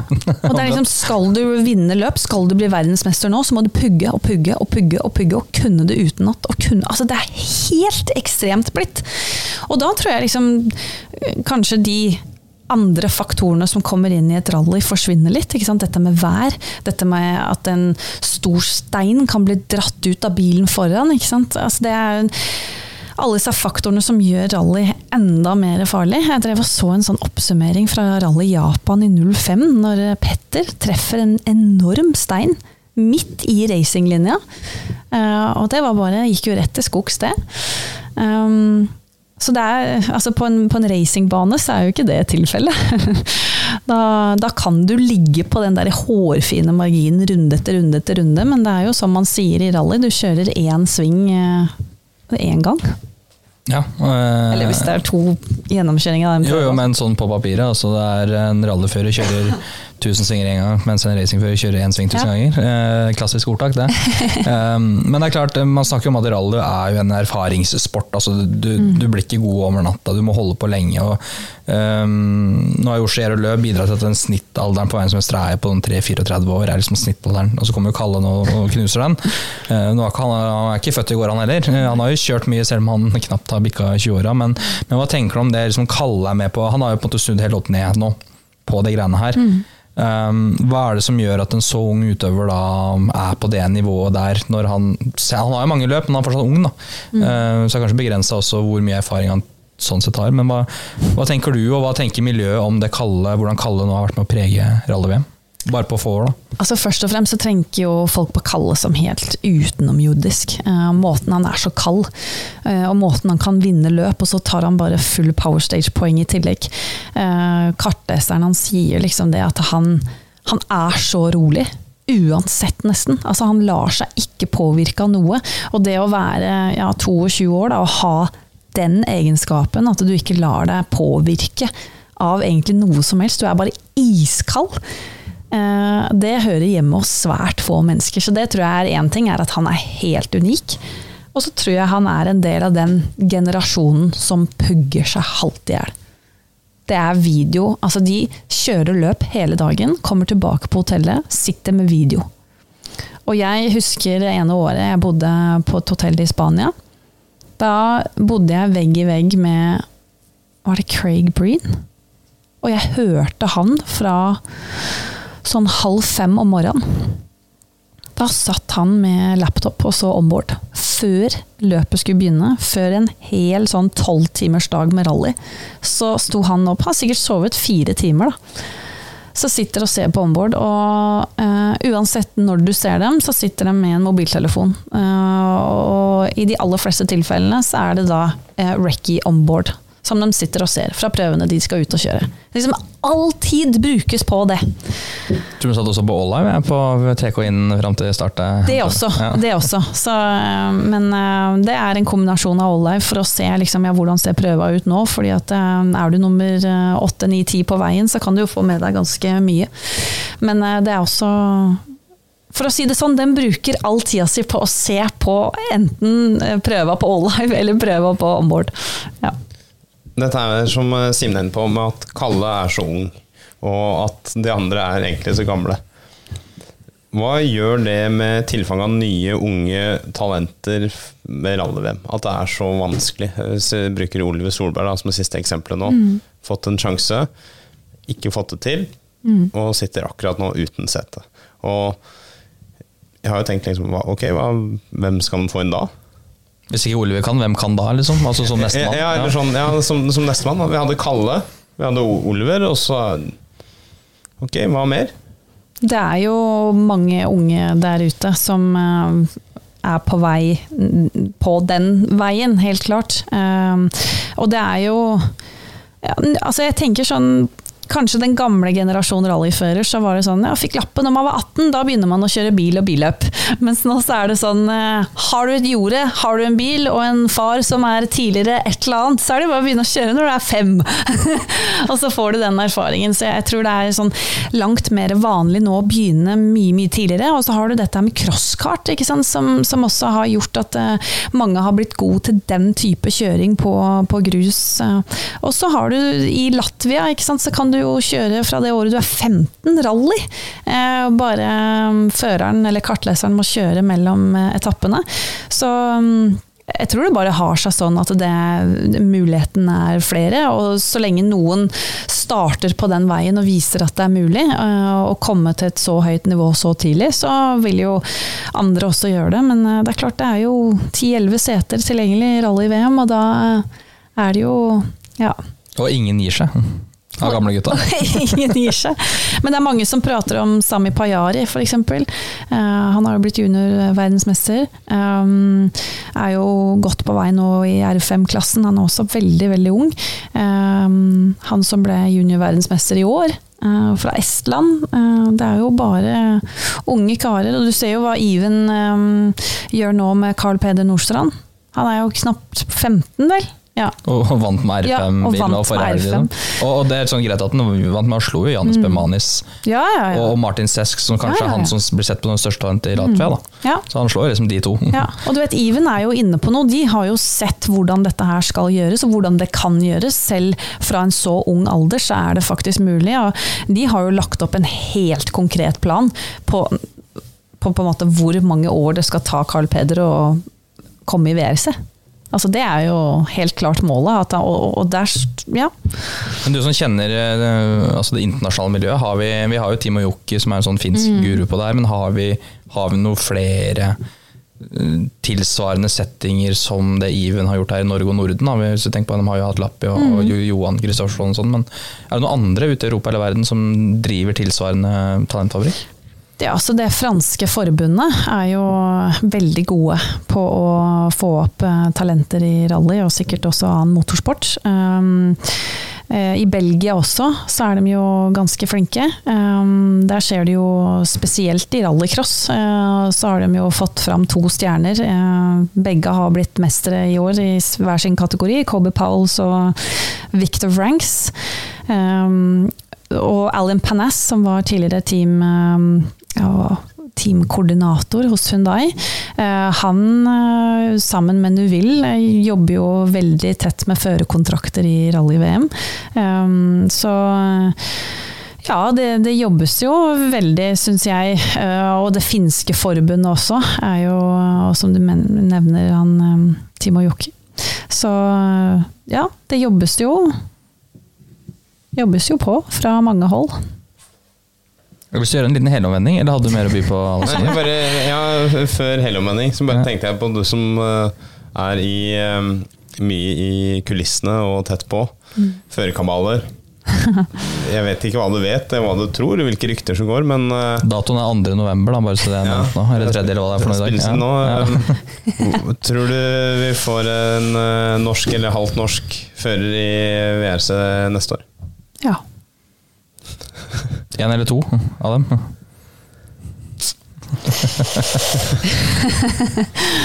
Nei, jeg har hørt fryktelig mye denne uka her, så jeg må bare shut up. Men Du får lov å dele um, hvis du vil. det kommer, det kommer mye spennende nyheter, det gjør det. Ja. Helt klart. Ja. Mye, litt overraskende nyheter også. Oi, ja, du, du hinter såpass, ja. Men det kan hende at de hinta er helt totalt verdiløse når vi spiller av den poden. Jeg, jeg, tenker, jeg tenker jo Da kan vi jo Skal vi bare begynne nå, da? Og så få et lite hint, da. at noen tar over setet til Tanak. Ja, vi tar det på avtrekk. Ja, ja, ikke sant. Eh, Skal jeg kjøre helomvending? Ja, kjør hele Oh, Vi gikk så ekstremt fort fra råning i Stavanger til at du snakker nerdete om rally-VM. Det skjer jo noe på den veien der, ikke sant? Jeg skulle dit, jeg òg. Ja, det, dette har vi tid til. Hva, hva skjer med ei som da råner med stavangerdialekt, ender opp eh, på Østlandet, gifter deg med en av Norges eh, beste bisportutøvere gjennom tidene, eh, får en kremjobb av som mange, kanskje hundre, om ikke tusen, drømmer om å kunne ha. Eh, som du sier, du, du dreier ikke med noen utdannelse når du var i tenåra, og du ender opp her du er nå. altså ja, hva, hva er den oppskriften der, liksom? For den er det sikkert mange som er, er nysgjerrig på, kanskje vil, vil legge blåkopi på. Ja. Um, jeg tror det bare handler om å finne hvor du hører hjemme. Jeg tror eh, det er noe mange unge leter etter. Hva skal jeg gjøre, hva skal jeg bli? Eh, og så blir man gjerne pushet veldig i én retning, eh, og så er ikke den retningen for deg. Og så fant jeg bare min, og så har jeg et slags sånn Hvis jeg blir gira over noe, hvis jeg kjenner at blodet bruser med det jeg driver med, så er det bensin på bålet, og jeg vil mer. Og jeg eh, jeg tør å ta sjanser. Altså De sjansene som jeg har fått, de har jeg tatt. Eh, Jeg har gått på trynet mange ganger, men så har det også gått bra mange ganger. Um, og har vokst fra hver eneste erfaring og bare elsker det jeg gjør. Altså Jeg lever 100% av bilsport og har gjort det nå ganske lenge. Og vil bare at livet mitt skal være sånn. Så da kjemper man eh, med nebb og klør for det. Men hvordan eh, kom denne jobben i VRC Og kan jeg spisse det spørsmålet? Vær så snill. Ja, det er bare å spise. Fordi- Det er du som er journalist nå. Ja, og jeg, jeg bare hadde noe, men jeg ville ikke bare avbryte deg. Men greia er at det ble ikke du kjent med Anders Skjenn med et sånt überkleint intervju med gatebil. Eh, Nei. jeg jobba for Gatebil. Jeg ble en del av administrasjonen der um, i 2006. Og så skulle vi arrangere Drammen Grand Prix. Det var liksom en hot nyhet i 2007 ved siden av gatebilfestivalene. Og det skulle være det store comebacket til Martin Skanke. Eh, og da fikk jeg ansvar for eh, ja, medieaktiviteter. Så mm, da inviterte vi til en pressedag på Drammen travbane, jeg tror det var uka i forkant. Eh, og Anders var jo en av de som var bedt. Og jeg husker bare at jeg så han der og tenkte dæven, han var kjekk! og så kom vi til selve arrangementet. Eh, Anders vinner jo hele greia. Eh, jeg var reporter den dagen. Vi skulle lage en DVD fra, fra løpet. Eh, jeg intervjuet ikke han en eneste gang. Eh, han vant, og jeg husker kameramannen sa er det noen flere intervjuer? Det er jo ikke alltid kameramenn bryr seg om hvem som vinner, og, de skal jo bare filme. Så jeg bare nei, nei, nei, nei, det er ikke noen flere. Så det ble lagd en DVD fra Drammen Grand Prix uten at det en eneste gang ble en prat med vinneren. Så ja, sånn skjedde det. Fordi da er det, det var jo 2007. Ja. Så går vi, hvis vi går da, nå kan jeg legge på fire og fire år. Går vi fram til 2011, så intervju- du han der, blant annet. På da NM i crosskart. Eh, og så fire år seinere så står du på stagehand på Rally Sweden. Ja. Uh, og året før var det for så vidt med rallycross-VM, som som kanskje var den linken inn til rally-VM. Men det er ikke mange åra vi snakker her. Uh, fire år siden, nå er jeg 2018, da hadde Andreas Mikkelsen kjørte hun da i 20 RC, så det er ikke så lenge siden, syns vi nå. Nei. Det skjer jo noe helt enormt bare på de fire og åtte åra vi snakker her, da. Ja, det var liksom det å gripe mulighetene, og så forsto jeg på et tidspunkt at aha, det er en grunn for at foreldrene mine alltid prata to språk til meg. Kanskje jeg skal bruke det til noe? Det var jo så irriterende i oppveksten. Vi kunne sitte rundt middagsbordet, og det gikk i to språk konstant. Og det blei sånn mm, Kan du vi-» bare da definere din multinasjonalitet her nå, da? Så det, Det er da norsk og engelsk. ja, ikke sant? Ja. Enkelt og greit. Så, så det ble jo, jeg ble jo hovedkommentator for TV 2 i 2015, da de overtok rettighetene for VRC. eh, Og dro jo på noen løp, og det var da jeg virkelig kjente på at ah, det er dette jeg skal gjøre. Jeg skal, jeg skal reise verden rundt, jeg skal være der det skjer på løpene. og Eh, og så handler det da om å ta noen sjanser, være litt modig. Eh, jeg fikk meg da et møte med sjefene i VRC. Jeg husker jeg møtte dem inne på hospitalityen til Volkswagen, for det skulle være litt sånn hemmelig møte. og, og satt og prata med dem der, og så gikk det litt tid, og det blei en del telefoner med ulike personer i produksjonen og promotøren. Så fikk jeg sjansen. Monte Carlo 2016. Og siden har jeg blitt. Kan du fortelle litt eh, For det, det er jo ikke alle som eh, følger rally-VM, og for de som følger det, så vet at det er mange etapper, det er langt imellom. Eh, En typisk arbeidsdag for deg, da. Du Jeg har vært innom boka, da. Jo, jo. Ja, hvis du har glemt den, liksom. Nei, jeg har ikke glemt boka, men jeg tenker type eh, Mellom etappene eh, Det brukes eh, Er det helikopter, er det bil, er det Når kommer politiet og tar deg for at du ikke skal komme inn på stagehand osv.? Å, det skjer så ofte. Jeg har begynt å få ganske dreisen på det i mange, mange ulike land. Men en typisk dag for meg. Eh, nå etter covid så har jeg blitt en sånn one woman crew. Eh, jeg reiser aleine mellom etappene stort sett, og møter ulike kameramenn som da har ulike oppdrag gjennom dagen, men møter de på en stagehand, gjør intervjuer, og så går vi våre felles veier igjen. Eh, eller ikke felles veier, men hver vår vei. Men kommer litt an på løpet og itinerary og sånt, men det er som regel opp tidlig og kjøre lang road section. Sånn som rallybilene. Så noe av det koseligste på morgenen er jo å sitte der og kjøre i bilen og kanskje høre på podkast eller musikk, og så bare hører jeg liksom i det fjerne. Det er ikke en vanlig bil. og så sitter jeg og følger med i alle speilene, og så er det liksom ja, Rovenpera og Tanak og Neville og Chiera, liksom, de er ute på sin eh, morgen eh, commute, som jeg kaller det. Altså de eh, Hva heter det på norsk? Det er på vei til jobb, Noen egentlig. ganger så bare stokker det seg helt. Det er ikke helt eh, Dennis Høger, da. eh, Så det skal jeg ha. Ja. det, er, det, er pendling. Ja. Der har vi det, ja. ja. Så det er pendling. Og vi er liksom Vi er alle ute og gjør vår greie. Det er bare at jeg stopper ved mål, og de skal jo da kjøre i ja, full fart gjennom Den andre en vegg, som det heter. ja. ja, og så kommer jeg gjerne til en prøve, og på de travleste løpene så er det annenhver. Så da er jeg på stage end, og så har jeg da den tida det tar eh, å komme til neste stage end, men så er det en prøve imellom, så jeg har en kollega som tar den da. Eh, Og sånn går det jo da hele dagen, eh, helt til kvelden, og så eat, sleep, repeat. Men går dagene fort, liksom? Er det sånn at det, Oi, nå var det kveld, nå er jeg ferdig? Eller eh, er det lange dager, eller åssen oppleves det?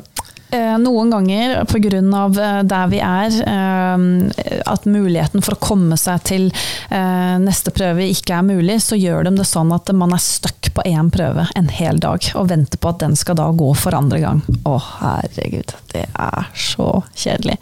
Jeg er bygd sånn at det må skje noe hele tiden. Du Eh, får jo lese litt den boka di, da. Når du, Ja, altså for all del. Ta med saks, liksom. Og ta ja, sånn, eh, Litt sånn scrapbooking videre. Ja, ja. Så noen ganger så kan det være ordentlig, ordentlig, ordentlig kjedelig. Men eh, så, sånn er det bare. Noen dager. Altså Arctic Rally 2021, ja, 2021. Da var jeg stagent på alle prøvene. Ja, såpass, ja. Elleve etapper, inkludert shakedown. Hadde du snøscooter, da? Eller åssen kom du deg rundt da? Nei, jeg hadde en vanlig leiebil. Men eh, det var heftig. Man kunne kanskje hatt regn der oppe hadde også kanskje funka. Litt sånn shortcuts. Men pga. covid så hadde de bare valgt å ha én stagent-reporter, og det var meg. Eh, Og jeg rakk rundt til absolutt alle prøvene. La dem opp tidsplanen da, til at det skulle være én stage-reporter som man rekker rundt. Ja, så Det gikk jo, eh, utrolig nok. Så det var spennende. Og da hadde jeg puls i taket hele dagen. Eh, det var helt ekstremt. Så det var og Da pusha jeg limiten ganske bra. Så, men jeg er nok eh, jeg, liker, jeg liker stress, jeg liker adrenalin. Eh, når jeg kommer hjem fra VM-løp, så drar jeg jo rett på trening og skal løfte tungt og syns jo det er fett. Så jeg er nok eh, ja, skrudd sammen litt rart. Jeg skjøt inn dette med politi og statehold Ja, osv., ja. for jeg veit at det, det har jo skjedd ting. så du må, må jo selvfølgelig innom det. Altså Det som stort sett skjer, er at man er i et land og politiet utøver den type autoritet som de kan. Eh, Og det varierer jo fra land til land. Noen ganger så eh, gjør de alt for å hjelpe deg, og andre ganger så gjør de alt for å stoppe deg. Eh, Og når man er på vei til stage end og har bråttom, så kan det fort bli blir litt heftig.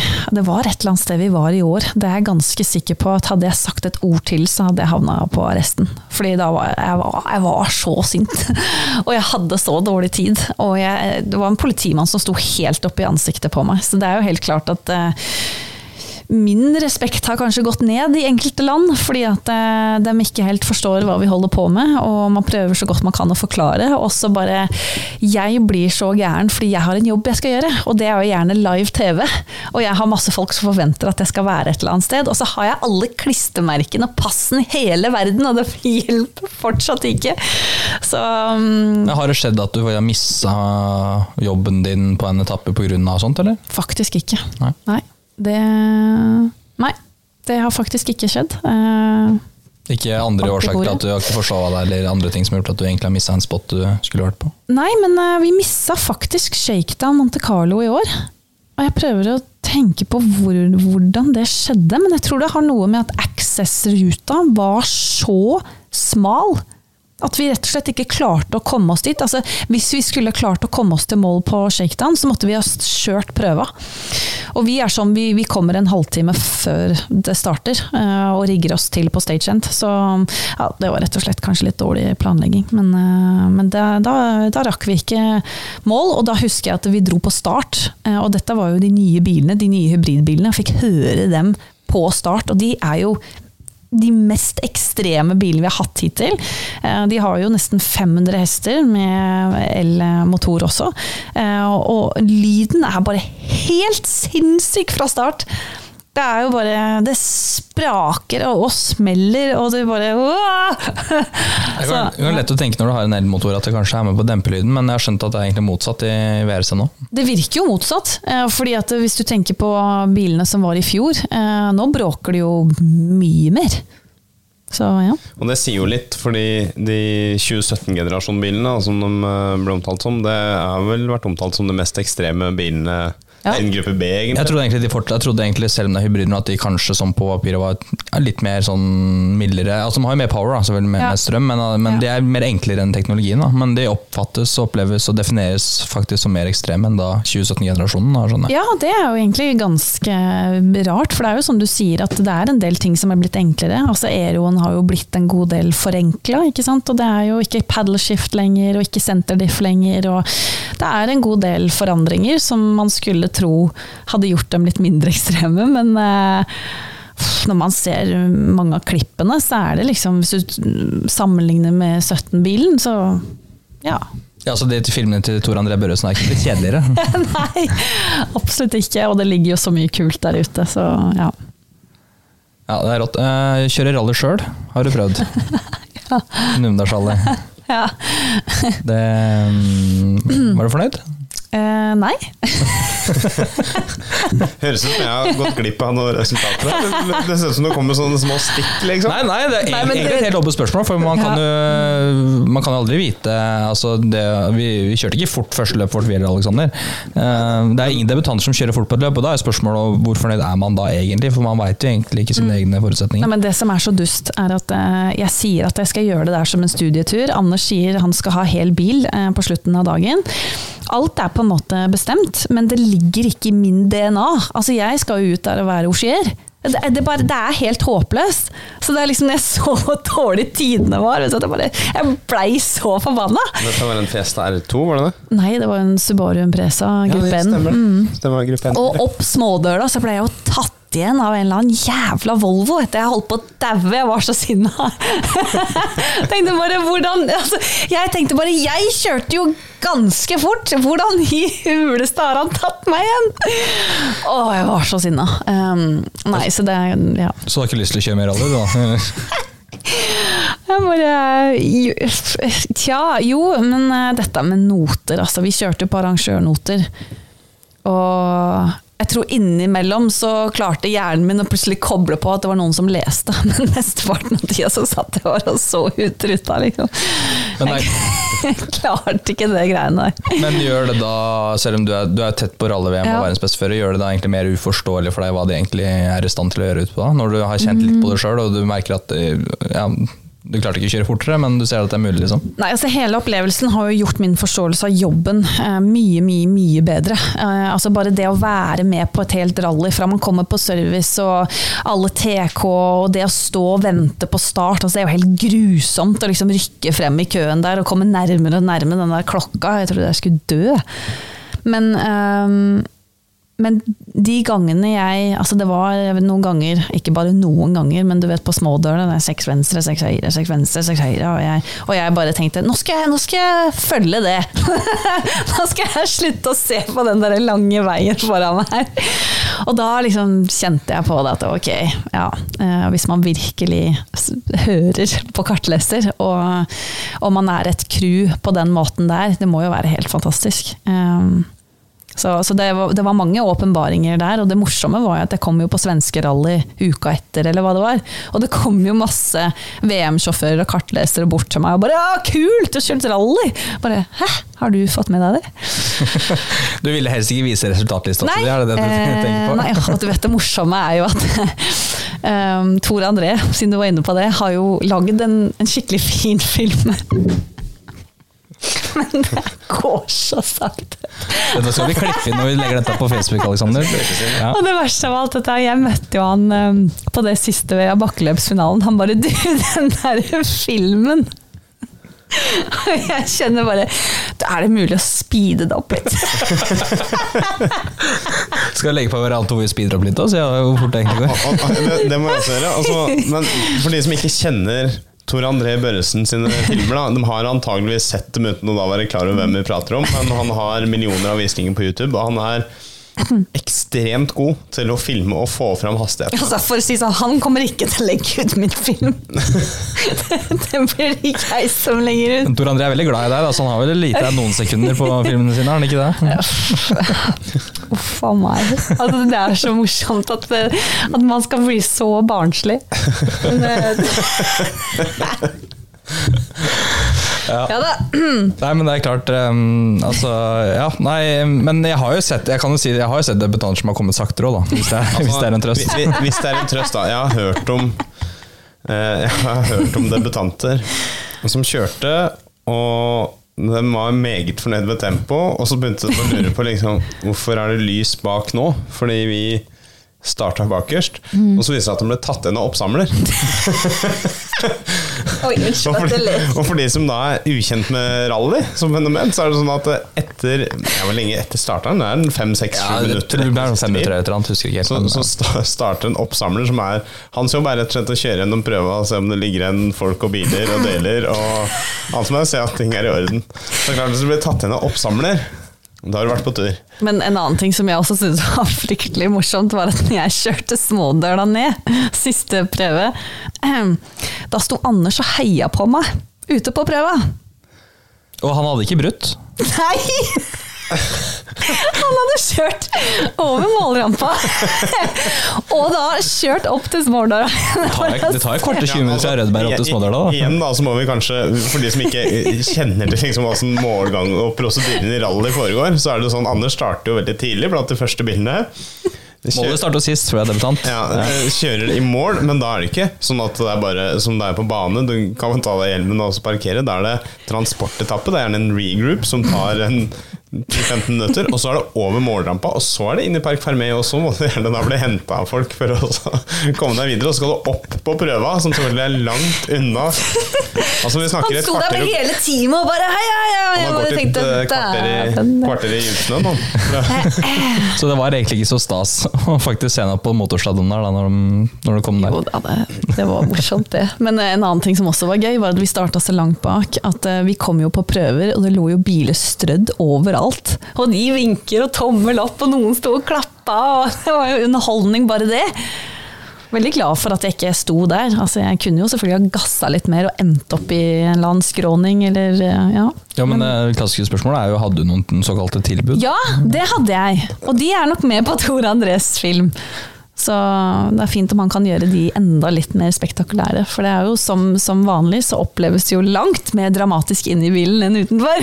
Jeg har blitt skuffa mange ganger når jeg har sjekka film etterpå. Liksom, Jeg også! Øyeblikk som er liksom du, du kjenner liksom Ok, det der var Ja. faktisk det råeste jeg har gjort, og dessuten så holdt jeg på å dø. Og så er, ser du filmen, så er det sånn Ja, jeg ser en skrens der. Jeg vil jo si den sladden vi hadde med R1-bilen på Rommersallet, den svarte jo til forventningene. da. Ja, til en viss grad, men Ja. eh, det var mer spektakulært inni bilen. Ja. Ja, det var det. det, var det. Så, men, men du har jo altså oppi alt der, du har jo også fått sitte på i de Du satte på med Mats Østberg på Shakedown i Australia, eller hvor du var. Så Ja. Du har jo så- sånn sett fått kjent på kreftene. En ting Ja. har du satt på med Grønholm, som du nevnte i stad, men også eh, vært med på skauen i ordentlig fart. Uh, meg bekjent, du har kanskje ikke sittet så mye på med Anders når han har kjørt R5-bil, men uh, Jo, jeg har vært med på en asfalttest øhm, med han i R5. Og så VRC-bilen. Den satt jeg jo både på med på en eh, grustest, og det var jo eh, bryllupsbilen vår. stemmer det. Det er vel det siste det, den bilen gjorde her i Norge. Den måtte jeg jo jekke meg sjøl i med den der brudekjolen. Det var jo nesten ikke mulig, men det gikk. Så det var litt gøy å ta launchkontroll ut fra alle lyskryssa i Drammen. Eh, I god gammel råneånd. det er litt av en rånebil. Ja, det, det topper, topper en del BMW Revolver, den uh, Subaru S-stjernen der. Altså. Ja, den launchkontrollen ble jo fyra i gang noen ganger den kvelden her. Um, og da tror jeg det ble ringt inn til politiet i Drammen et par ganger om at det var noen som fyrte av noe maskingevær i sentrum. det var da ikke tilfellet, det var bare den bilen. Det er bare Molly og Anders som gifter seg. Ja, Ja, ja, ja. ja. det. Da må det bråke litt. Trengs ikke nabovarsel engang i Drammen for det. Når man vet at det står i avisa at dere gifter dere. Så, men Men, men du nevnte Australia. ja, jeg tenkte på det, du har jo sittet på i VRC-bil sånn på ekte. Da, så. Men det morsomme er at nesten alle jeg har sittet på med, de ler seg jo halvt i hjel, de som kjører. Altså Jeg husker Mats, han lo sånn grein på shakedown i Australia. Fordi at det var jo så Det var jo helt sinnssykt. Altså Aksen ut fra start var jo én ting, men du vet at regnskogen holdt jo på å spise oss opp. Det var jo sånn det kjentes ut som inn i bilen. At det bare ble smalere og smalere og smalere. Jeg satt inni der, og så plutselig så sier Mats 'Nå kommer det et hopp!' Og han tar av sånn absolutt ikke rett. Han tar av liksom helt sidelengs, og så tror jeg han vendte om på hele bilen i lufta. Altså, vi landa jo i en helt annen retning. Og han ler vet du, og syns dette er så morsomt. Og det var sånn der, Tida var jo bedre enn hans første runde med Torstein. Nei, helt crazy. Da jeg satt på med Markus også nå, han også holdt på å le seg i hjel av meg. Men han har jo ikke kjørt de bilene så mye, han heller? Han Nei, han har jo aldri kjørt den elbilen, så han syns jo dette var helt vilt sjøl. Og ja, nei. Så jeg tror jeg, altså, ja, men det er jo litt bøkkelig å sitte på med Markus Grønholm. Altså, det er gøy å sitte på med folk som er gode til å kjøre bil, men det er jo noe med å sitte på med Markus Grønholm. Men du, altså, i fjor og i år Altså i fjor, altså Kankonen. Ja, du satt på med han på SS1 ja. Harju i Finland. Han også var jo lo og holdt på og herja og greier. Men var ikke det med VRC-bil? Nei, det var med en eh, Toyota Yaris sånn GR. Okay, som, ja. Men ja, han, han kjørte jo fælt for det. Uh, og så satt jeg jo på med Walter Røhl i uh, Portugal i år, i en original Audi Quatro. Den bilen som han Han vant vel Portugal i noen og 80, men den bilen med akkurat den bilen, den er jo fra Audi-tradisjon. Altså den Ja, det er rått å kunne ta del i gammel radionostalgi på kroppen. Ja, han var så irritert, for det var jo inne på um, en eh, superspesial, og den bilen hadde jo ikke håndbrekk. så hver gang vi kom til en hårnål, så sa han 'sorry, there's no handbrake'. så måtte han liksom snu bilen på vanlig måte. Han syntes dette var så flaut. Ja, og så da Markus Grønholm nå, så um, den lista begynner å bli bra. Ja, hvem er neste? Ja, hvem er neste? Ja. Kanskje vi kan um, overbevise Michelle til å ta en runde til i en eller annen bil? Det hadde vært rått. Ja, det det. Hun, hun tror jeg har det fortsatt. Ja, ja. Null stress. Apropos når du nevner Michelle, vi må liksom innom det um, For én ting er at du er jo så etablert i hele sirkuset her. Samtidig er det et enormt da, kvinnefokus på motorsport. Jeg vet, Det er en liten kjepphest hos deg òg, det blir kanskje det, med, med dere som er så etablerte i, i posisjonen her. Eh, fordi dere jo er dyktige. Men er det mye snakk om dette med at vi, vi må få flere kvinner inn, men ja, for enhver pris eller ikke for enhver pris? Altså, Hvordan, hvordan liksom er tankene dine og holdningene rundt den evige debatten der? da? Jeg tror vi som lever det livet, jeg tror ikke vi kjenner så veldig mye på det. Nå kan jeg bare snakke for meg selv, men eh, jeg merker ikke voldsomt mye prat om det. Det er klart at jeg ser jo i mediene noe helt annet. Ikke sant? At det, nå er det viktig med rekruttering. Og jeg hørte nå, når jeg var på VM i rallycross, at det har skjedd noe med W-series. Altså, nå kan ikke jeg uttale meg om noe som helst, men, men der valgte de da å avslutte sesongen eh, før de to siste rundene var kjørt. Eh, og at det handler om økonomiske problemer. Um, og ja, gudene vet hvordan fremtiden ser ut der. Um, men um, men når man, når man, lever midt i det, så, så, så kjenner jeg liksom ikke på at det at, ja, at, det, at, det, gjøres så mye, i hvert fall ikke i våre roller. Eh, jeg vet jo at det gjøres veldig mye for å få flere jenter bak rattet, eh, og det er jo er jo men, er det ikke ganske mange kvinner egentlig involvert i det? Som sier i våre roller, Det er jo hundrevis av ulike roller i, i rally. Og det er ikke tomt for damer på Serviceparken. Så det er ikke, det er ikke noe at det er sånn stor mangel egentlig, eller, eller er det det? Eller hvordan er inntrykket ditt der? Det er så rart. Jeg burde sikkert det... Ja, men Sånn som Veronica Engan, ja, da, som, ja, ja. som, er teamkoordinator i Talksport. Det er helt naturlig. Det diskuteres det ikke at det er så nei. spesielt at hun er der. Og, og det, ja, det er, jo, det er, jo, kvinner overalt sånn sett, men ja, få bak rattet. Men, men, som du sier, dere som er i det, det er vel helt unaturlig for dere å diskutere om vi trenger flere kvinner eller ikke. ikke. Ja, for det er litt sånn Alle gjør jo det de har lyst til å gjøre. Hvis man har lyst til å være ingeniør, så bli det, da! Eller mekaniker, bli det, da! Altså, det er sånn, Alle mulighetene, alle forutsetningene ligger jo der. Uh, så, så um, det er på en måte ingenting som står i veien for det. Jeg tror det gjelder liksom alle roller i motorsport. At det rett og slett er en sport som interesserer flere menn enn kvinner. Det er bare sånn det er. Vi har alle ulike interesser. Um, og så er det jo, vil det sikkert ta en del generasjoner før vi er der at flere At, at den, de rollene vil jevne seg ut. For det er klart at det, uh, våre foreldre, der var det gjerne far som tok med sønn uh, for å se rallycross på Lyngås, ikke sant. Uh, eller generasjonen før det. Mens nå er det jo helt normalt når jeg er på VM-løp, så ser man jo hele familien ute. Ikke sant? Da er mor og far og alle barna er med og ser på rally. Eh, og det er jo klart at det vil jo sparke i gang en interesse hos de aller minste nå, som vil gjøre at eh, ja, 20-30 år frem i tid, så vil det jo være um, en, en, mer, en, en, større balanse. Uh, I år i Kroatia, jeg kommer aldri til å glemme det, det satt en jente uh, ved stagehand, en ung, ung jente. Um, hun satt på bakken og på Power Stage og det eneste hun så på gjennom hele Powerstage, det var meg. Oi. Mm. Og på samme løpet også, mellom første gjennomkjøring av Powerstage og Powerstage, så kom det en jente på en ja, 14-15 år bort til meg, eh, og så sa hun unnskyld, kan jeg forstyrre deg litt? Ja, selvfølgelig. Hva skal jeg gjøre for å bli som deg? Ja, så da har jo blitt et forbilde du da, tydeligvis.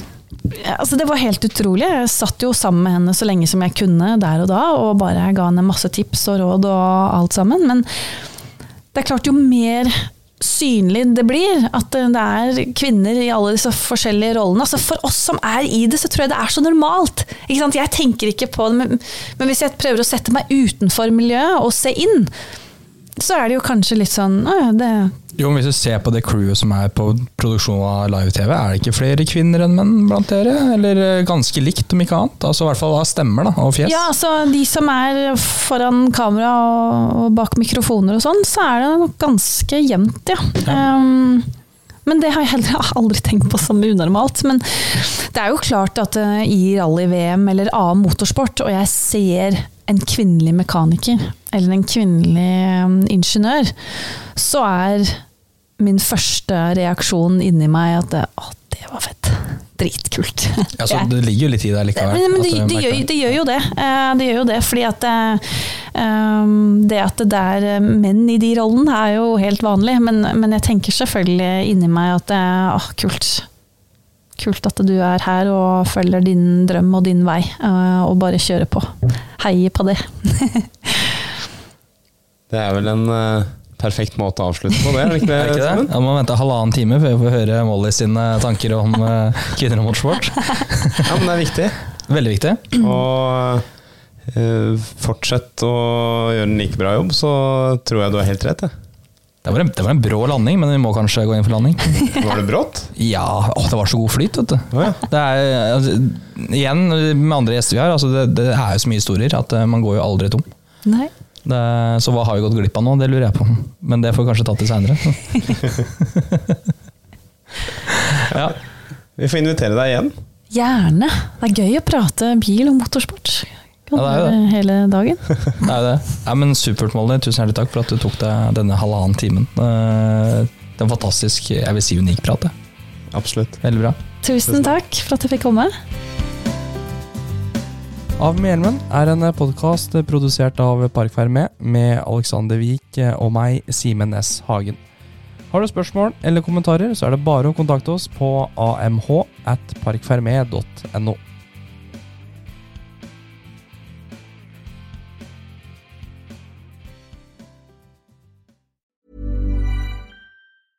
Mom deserves the best, and there's no better place to shop for Mother's Day than Whole Foods Market. They're your destination for unbeatable savings, from premium gifts to show-stopping flowers and irresistible desserts. Start by saving 33% with Prime on all body care and candles. Then get a 15-stem bunch of tulips for just $9.99 each with Prime. Round out Mom's menu with festive rosé, irresistible berry chantilly cake, and more special treats. Come celebrate Mother's Day at Whole Foods Market.